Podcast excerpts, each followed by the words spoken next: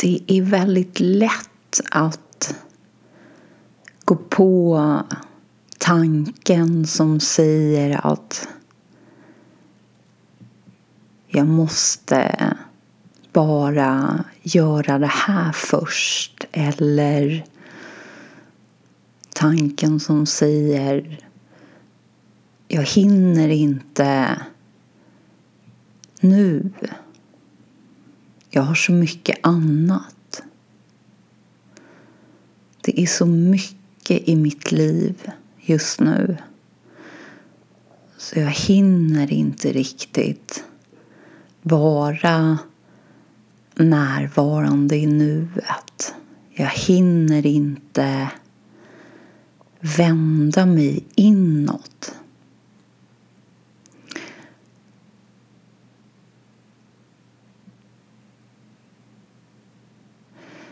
Vi har varit inne på det här i omgångar. Det här med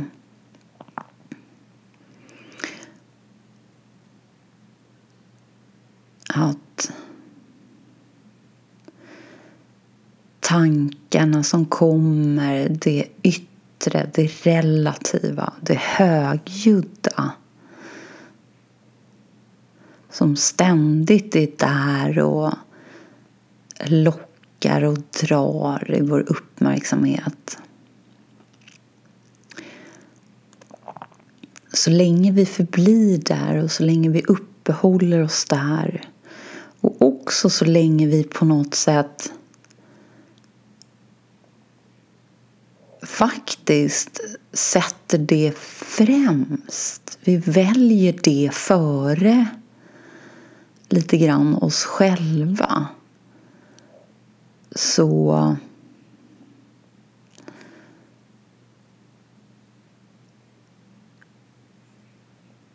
kommer våra upplevelser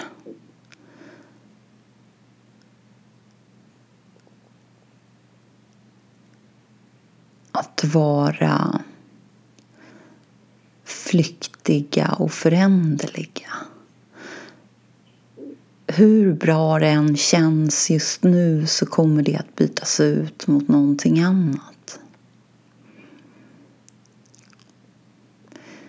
Det går inte att hålla kvar vid någonting inom ramen för det relativa.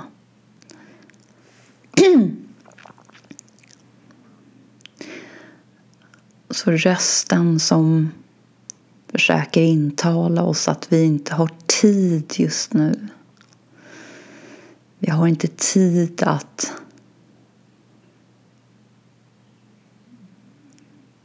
återse eller återfinna det tidlösa. Det eviga. Vi har inte tid att vända hem. Och den rösten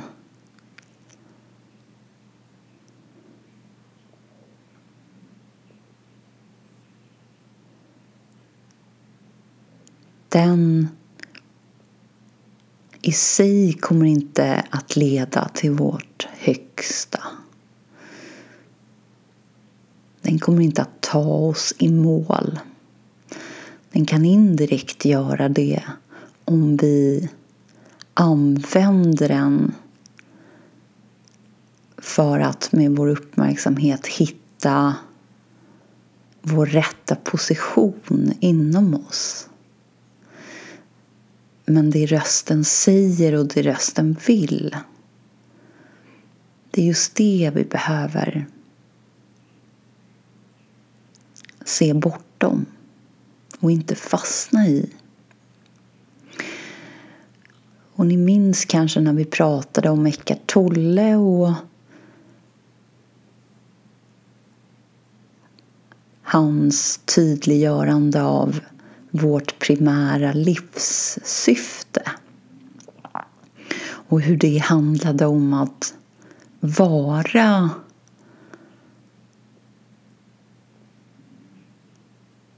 snarare än att i första hand välja att förbli på nivån görande.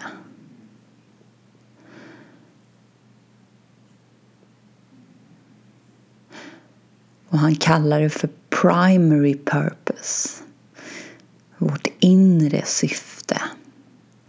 Att vara. Att förbli med vår uppmärksamhet hemma i vårt varande och vara medvetna om vårt varande och inte fastna i huvudet och i rösten. Just därför att den tar oss också väldigt mycket bort ifrån det som är nu. Och det som är nu är ju det vi också har kunnat konstatera, det enda som vi någonstans kan betrakta som det som faktiskt verkligen på något sätt existerar. Och Jesus har ett par olika liknelser som pekar in just mot den här sanningen som handlar om vad som faktiskt är det högsta och indirekt självklart också det bästa för oss. Och den här liknelsen kallas för Jesus hos Marta och Maria och den finns i Lukas evangeliet kapitel 10.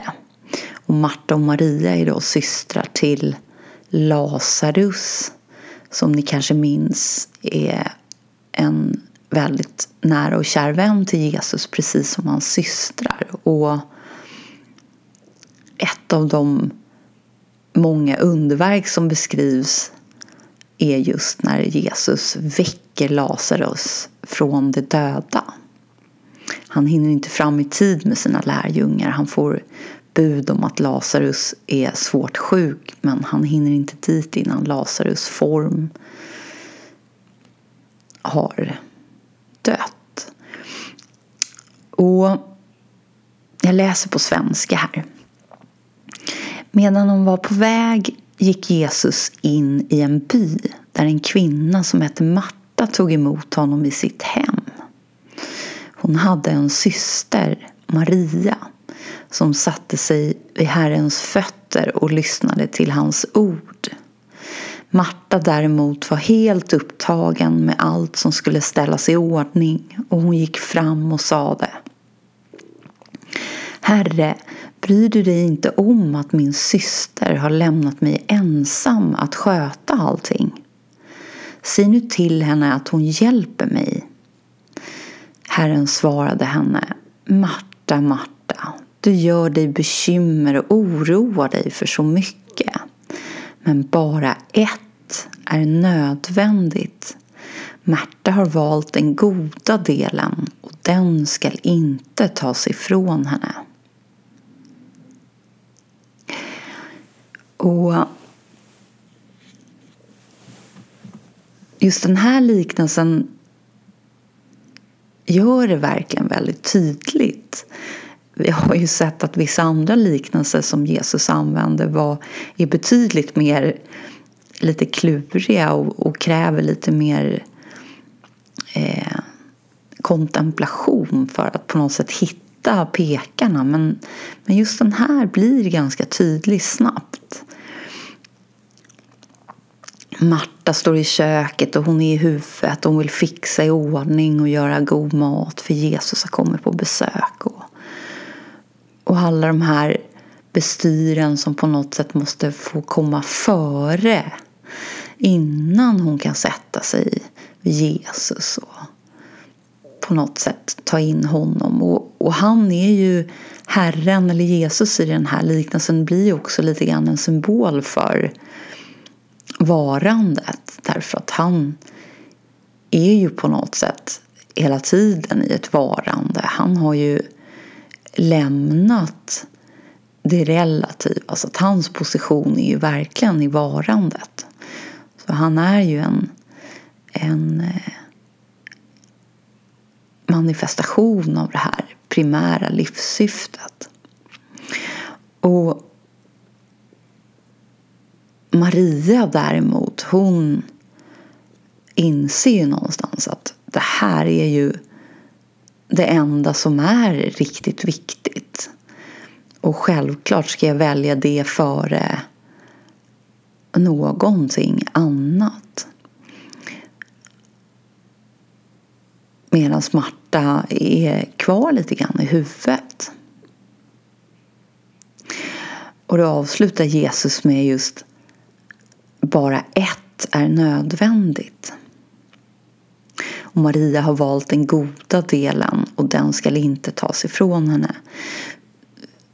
I, beroende på om man läser på engelska eller svenska och lite olika översättningar så har vi varit inne på också blir formuleringarna lite olika. Men essensen är just att Maria förstår. För henne är det inte tvetydigt. För henne är det inte svårt. Medan Marta är lite grann fast och uppehållen i världen och i huvudet och i tankarna och i alla göranden.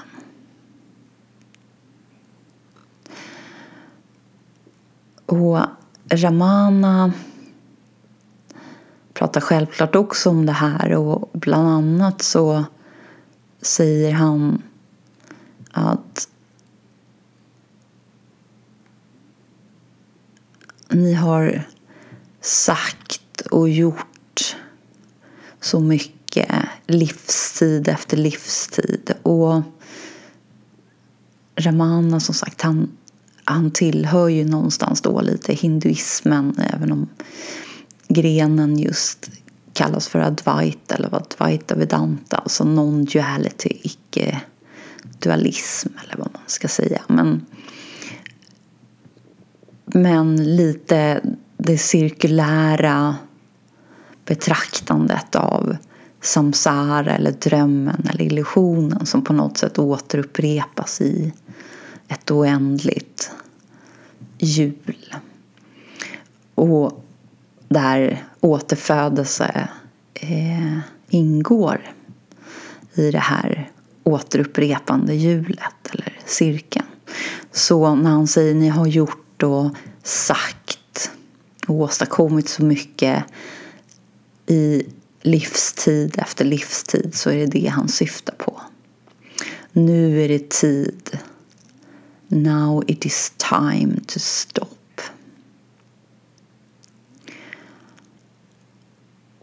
Och det handlar ju också om att när vi på något sätt känner en dragning till det här. Vi, vi har någonstans lite grann, antingen har livet hjälpt oss att säga stopp i världen eller så har vi förekommit det genom att på något sätt lyssna inåt och känna att det är något annat som börjar lite grann pocka och dra på vår uppmärksamhet som, som kommer mer inifrån. Men både Raman och Jesus här vill ju vänligt men bestämt på något sätt få oss att börja lyssna mer på det. Och att faktiskt också inse att det är inte att vända sig ifrån det som är viktigt utan det är faktiskt att vända sig tillbaka till det enda som egentligen är viktigt.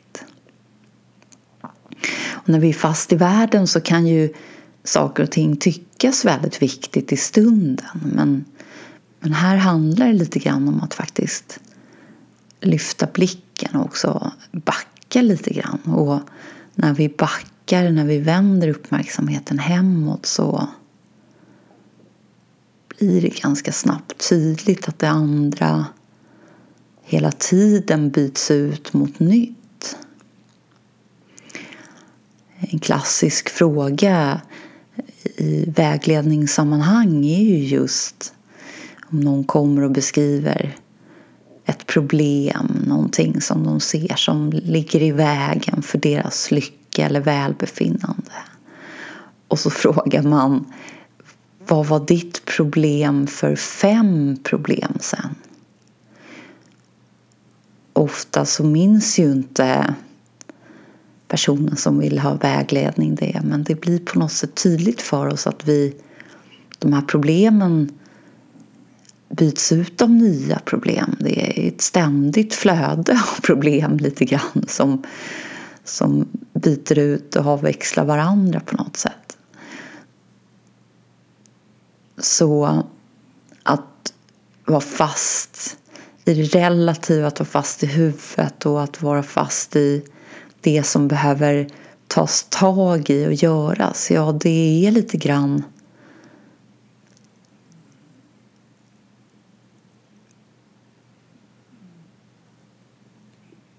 att egentligen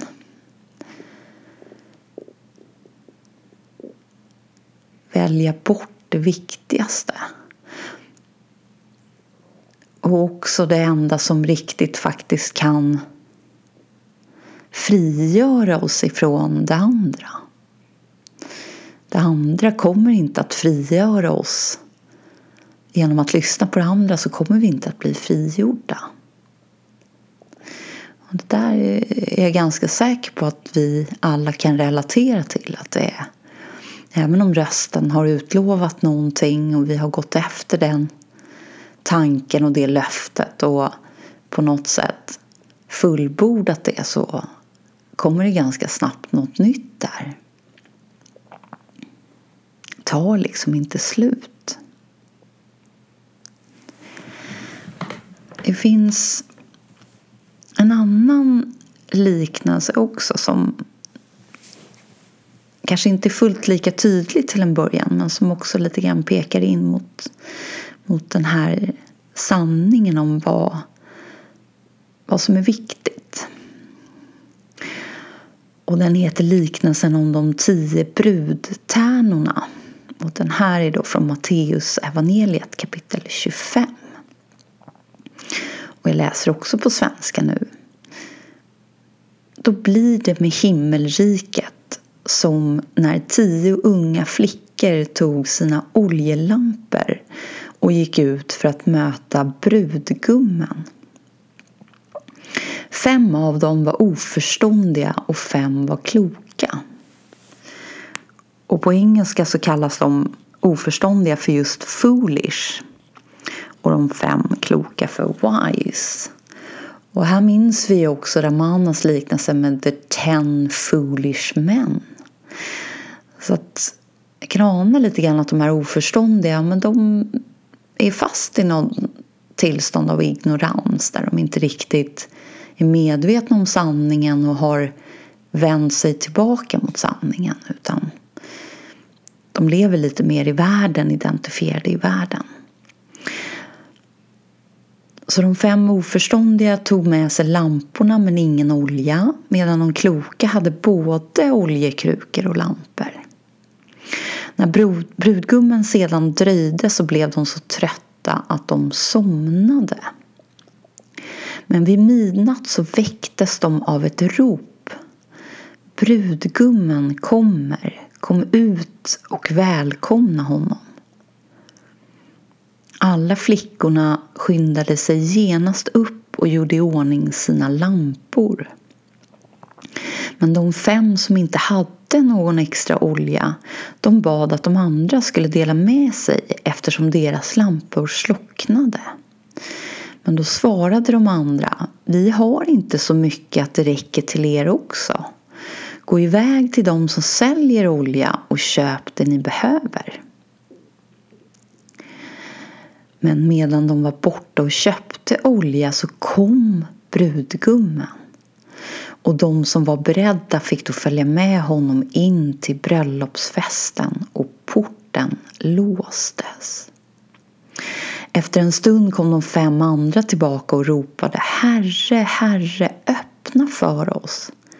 Men då ropade han tillbaka Sannerligen säger jag er, jag känner er inte. Håll er därför vakna, för ni vet inte dagen eller timmen.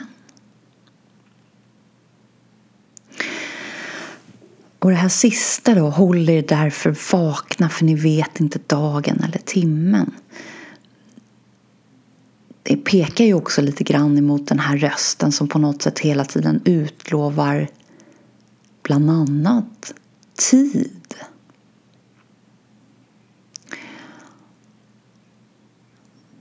Och där blir det ganska tydligt att rösten är inte är ren och sanningsenlig därför att just tid som rösten hela tiden utlovar. Om du bara gör det här så kommer du få mer tid sen till att kontemplera eller på något sätt eh, göra ditt, din inre studie.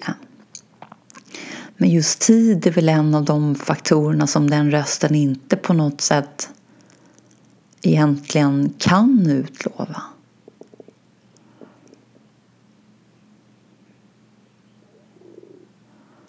Endast det tidlösa, det eviga sitter på ett totalt överflöd när det gäller tid. Det andra som vi då kan fundera lite över i just den här liknelsen det är ju vad oljan står för. För det är uppenbart att både de kloka eller de förståndiga och de oförståndiga tar med sig oljelampor. Så långt verkar alla vara med. Men sen så är det fem av dem som även tar med sig oljekrukor för att kunna fylla på lamporna med ny olja. Medan de andra fem inte gör det. Så vad står oljan för här? Och, och det handlar ju just om eh, och det här har vi också lite grann sett på tidigare i andra liknelser också. Men just det här att vara i närvaro, vara hemma, vara i vårt varande.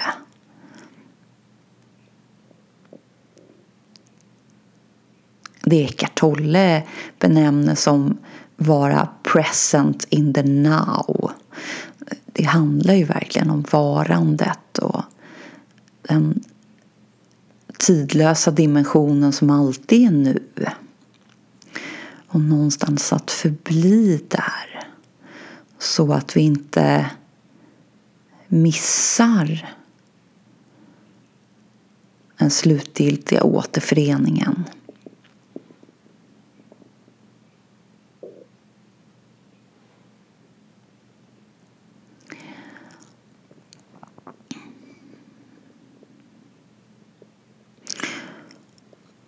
Och här säger de också, vi har inte så mycket att det räcker till er också.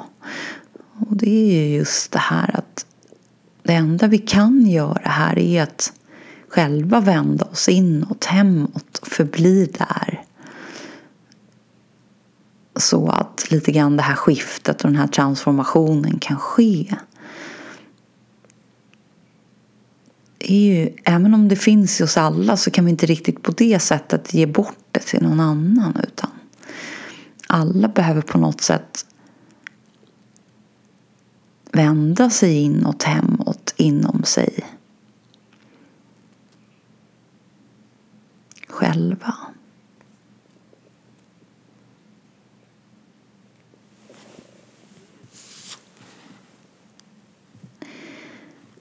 Och även i eh, Thomas evangeliet paragraf 111 så säger Jesus så här, och jag läser nu på svenska också. Himlarna och jorden skall rullas ihop inför er och den som lever i den levande ska varken skåda döden eller känna fruktan. Och um, det här pekar oss också in mot samma sanning. Den som lever i den levande. Och det är ju motsägelsefullt det här på något sätt att vi egentligen alltid är det vi är eller den vi är. Vi kan ju inte inte vara det någonsin egentligen. Men ändå för att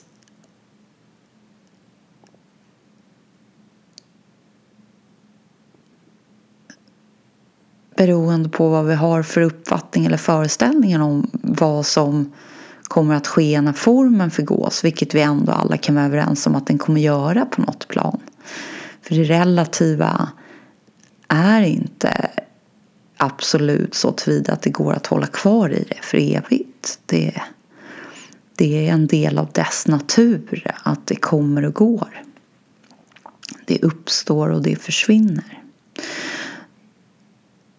Så någonstans här att leva i den levande, det handlar ju uteslutande ska jag säga, om att bli medveten om den levande. Att på något sätt vända uppmärksamheten och vända den inre blicken tillbaka hem och förbli vårt varande så att vi återigen kan bli medvetna om det tidlösa, det eviga, den levande. Och ni minns kanske också, nu är det många avsnitt sedan, men den här judiska rabbinen som höll sin föreläsning på Harvard Divinity School. Och han hade fått massor med olika frågor av sina elever just kring döden och vad som kommer att hända efter den fysiska döden och om det finns någon fortsättning och lite hur han såg på den. Och efter att ha sammanfattat vissa av de frågor han hade fått så sa han just att jag kan inte besvara de här frågorna därför att jag anser att de är felformulerade eller de är, de är inte ställda på ett korrekt sätt. Den levande är alltid levande och det som är dött är alltid dött. Men tack vare att den levande uppehåller sig i eller hos det döda så tycks det leva ett tag. Så Det är på något sätt det levande som blåser liv i det andra. Och här pekar ju Jesus ändå mot att vi ska leva i den levande. Alltså på något sätt vi ska, det är vår rätta position. Varandet är vår rätta position. Och så avslutar han den som skall finna sig själv, honom är världen inte värdig. Så den som ska finna sig själv, det är på något sätt ändå en, ett återfinnande, ett återupptäckande. Honom är världen inte värdig. Ja, det kanske handlar lite grann om det här som Jesus upplevde i I have overcome the world. Jag har på något sätt övervunnit världen eller också faktiskt skiftat mitt perspektiv så att världen lite grann uppenbaras annorlunda. Så att även den här, det här uttalandet kan vi kanske inte riktigt fullt ut tolka och förstå om vi inte lite grann har skiftat vårt perspektiv så som Jesus totalt hade gjort. Så att vi plötsligt ser på livet och på världen nyktra.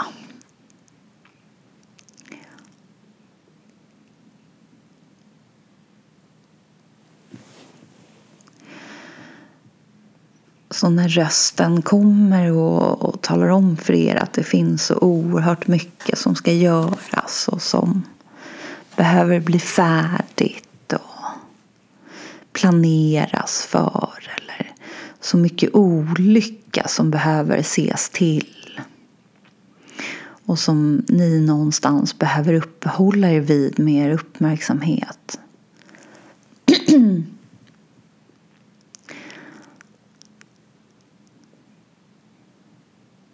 Låt de här liknelserna få bli er lilla påminnelse om vad som faktiskt är viktigt oavsett vad vi befinner oss i för livssituation. Och minns också profeten som önskade för oss alla den högsta friheten som inte var kopplad till livet och till livssituationen utan faktiskt existerade bortom den.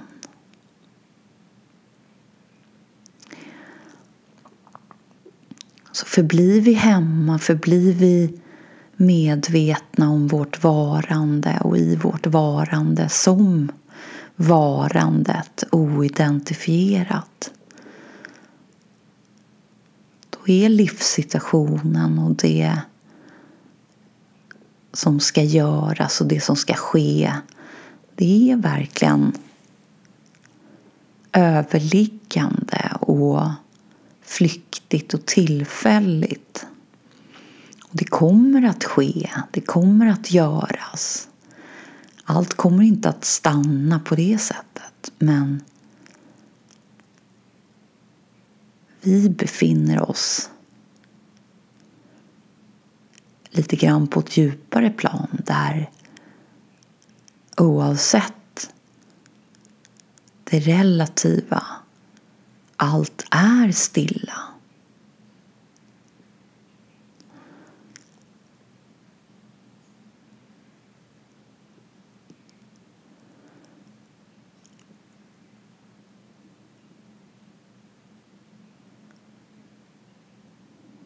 Låt det inte ta mer tid att återupptäcka det tidlösa. För att tiden är en illusion. Den som utlovar tid är egentligen den som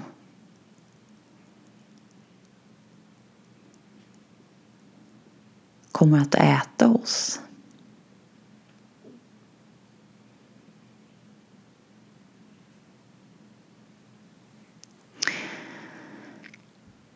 Thomas evangeliet paragraf 70 säger så här. Jesus said, If you bring forth what is within you, what you have will save you. If you do not have that within you, what you do not have within you will kill you.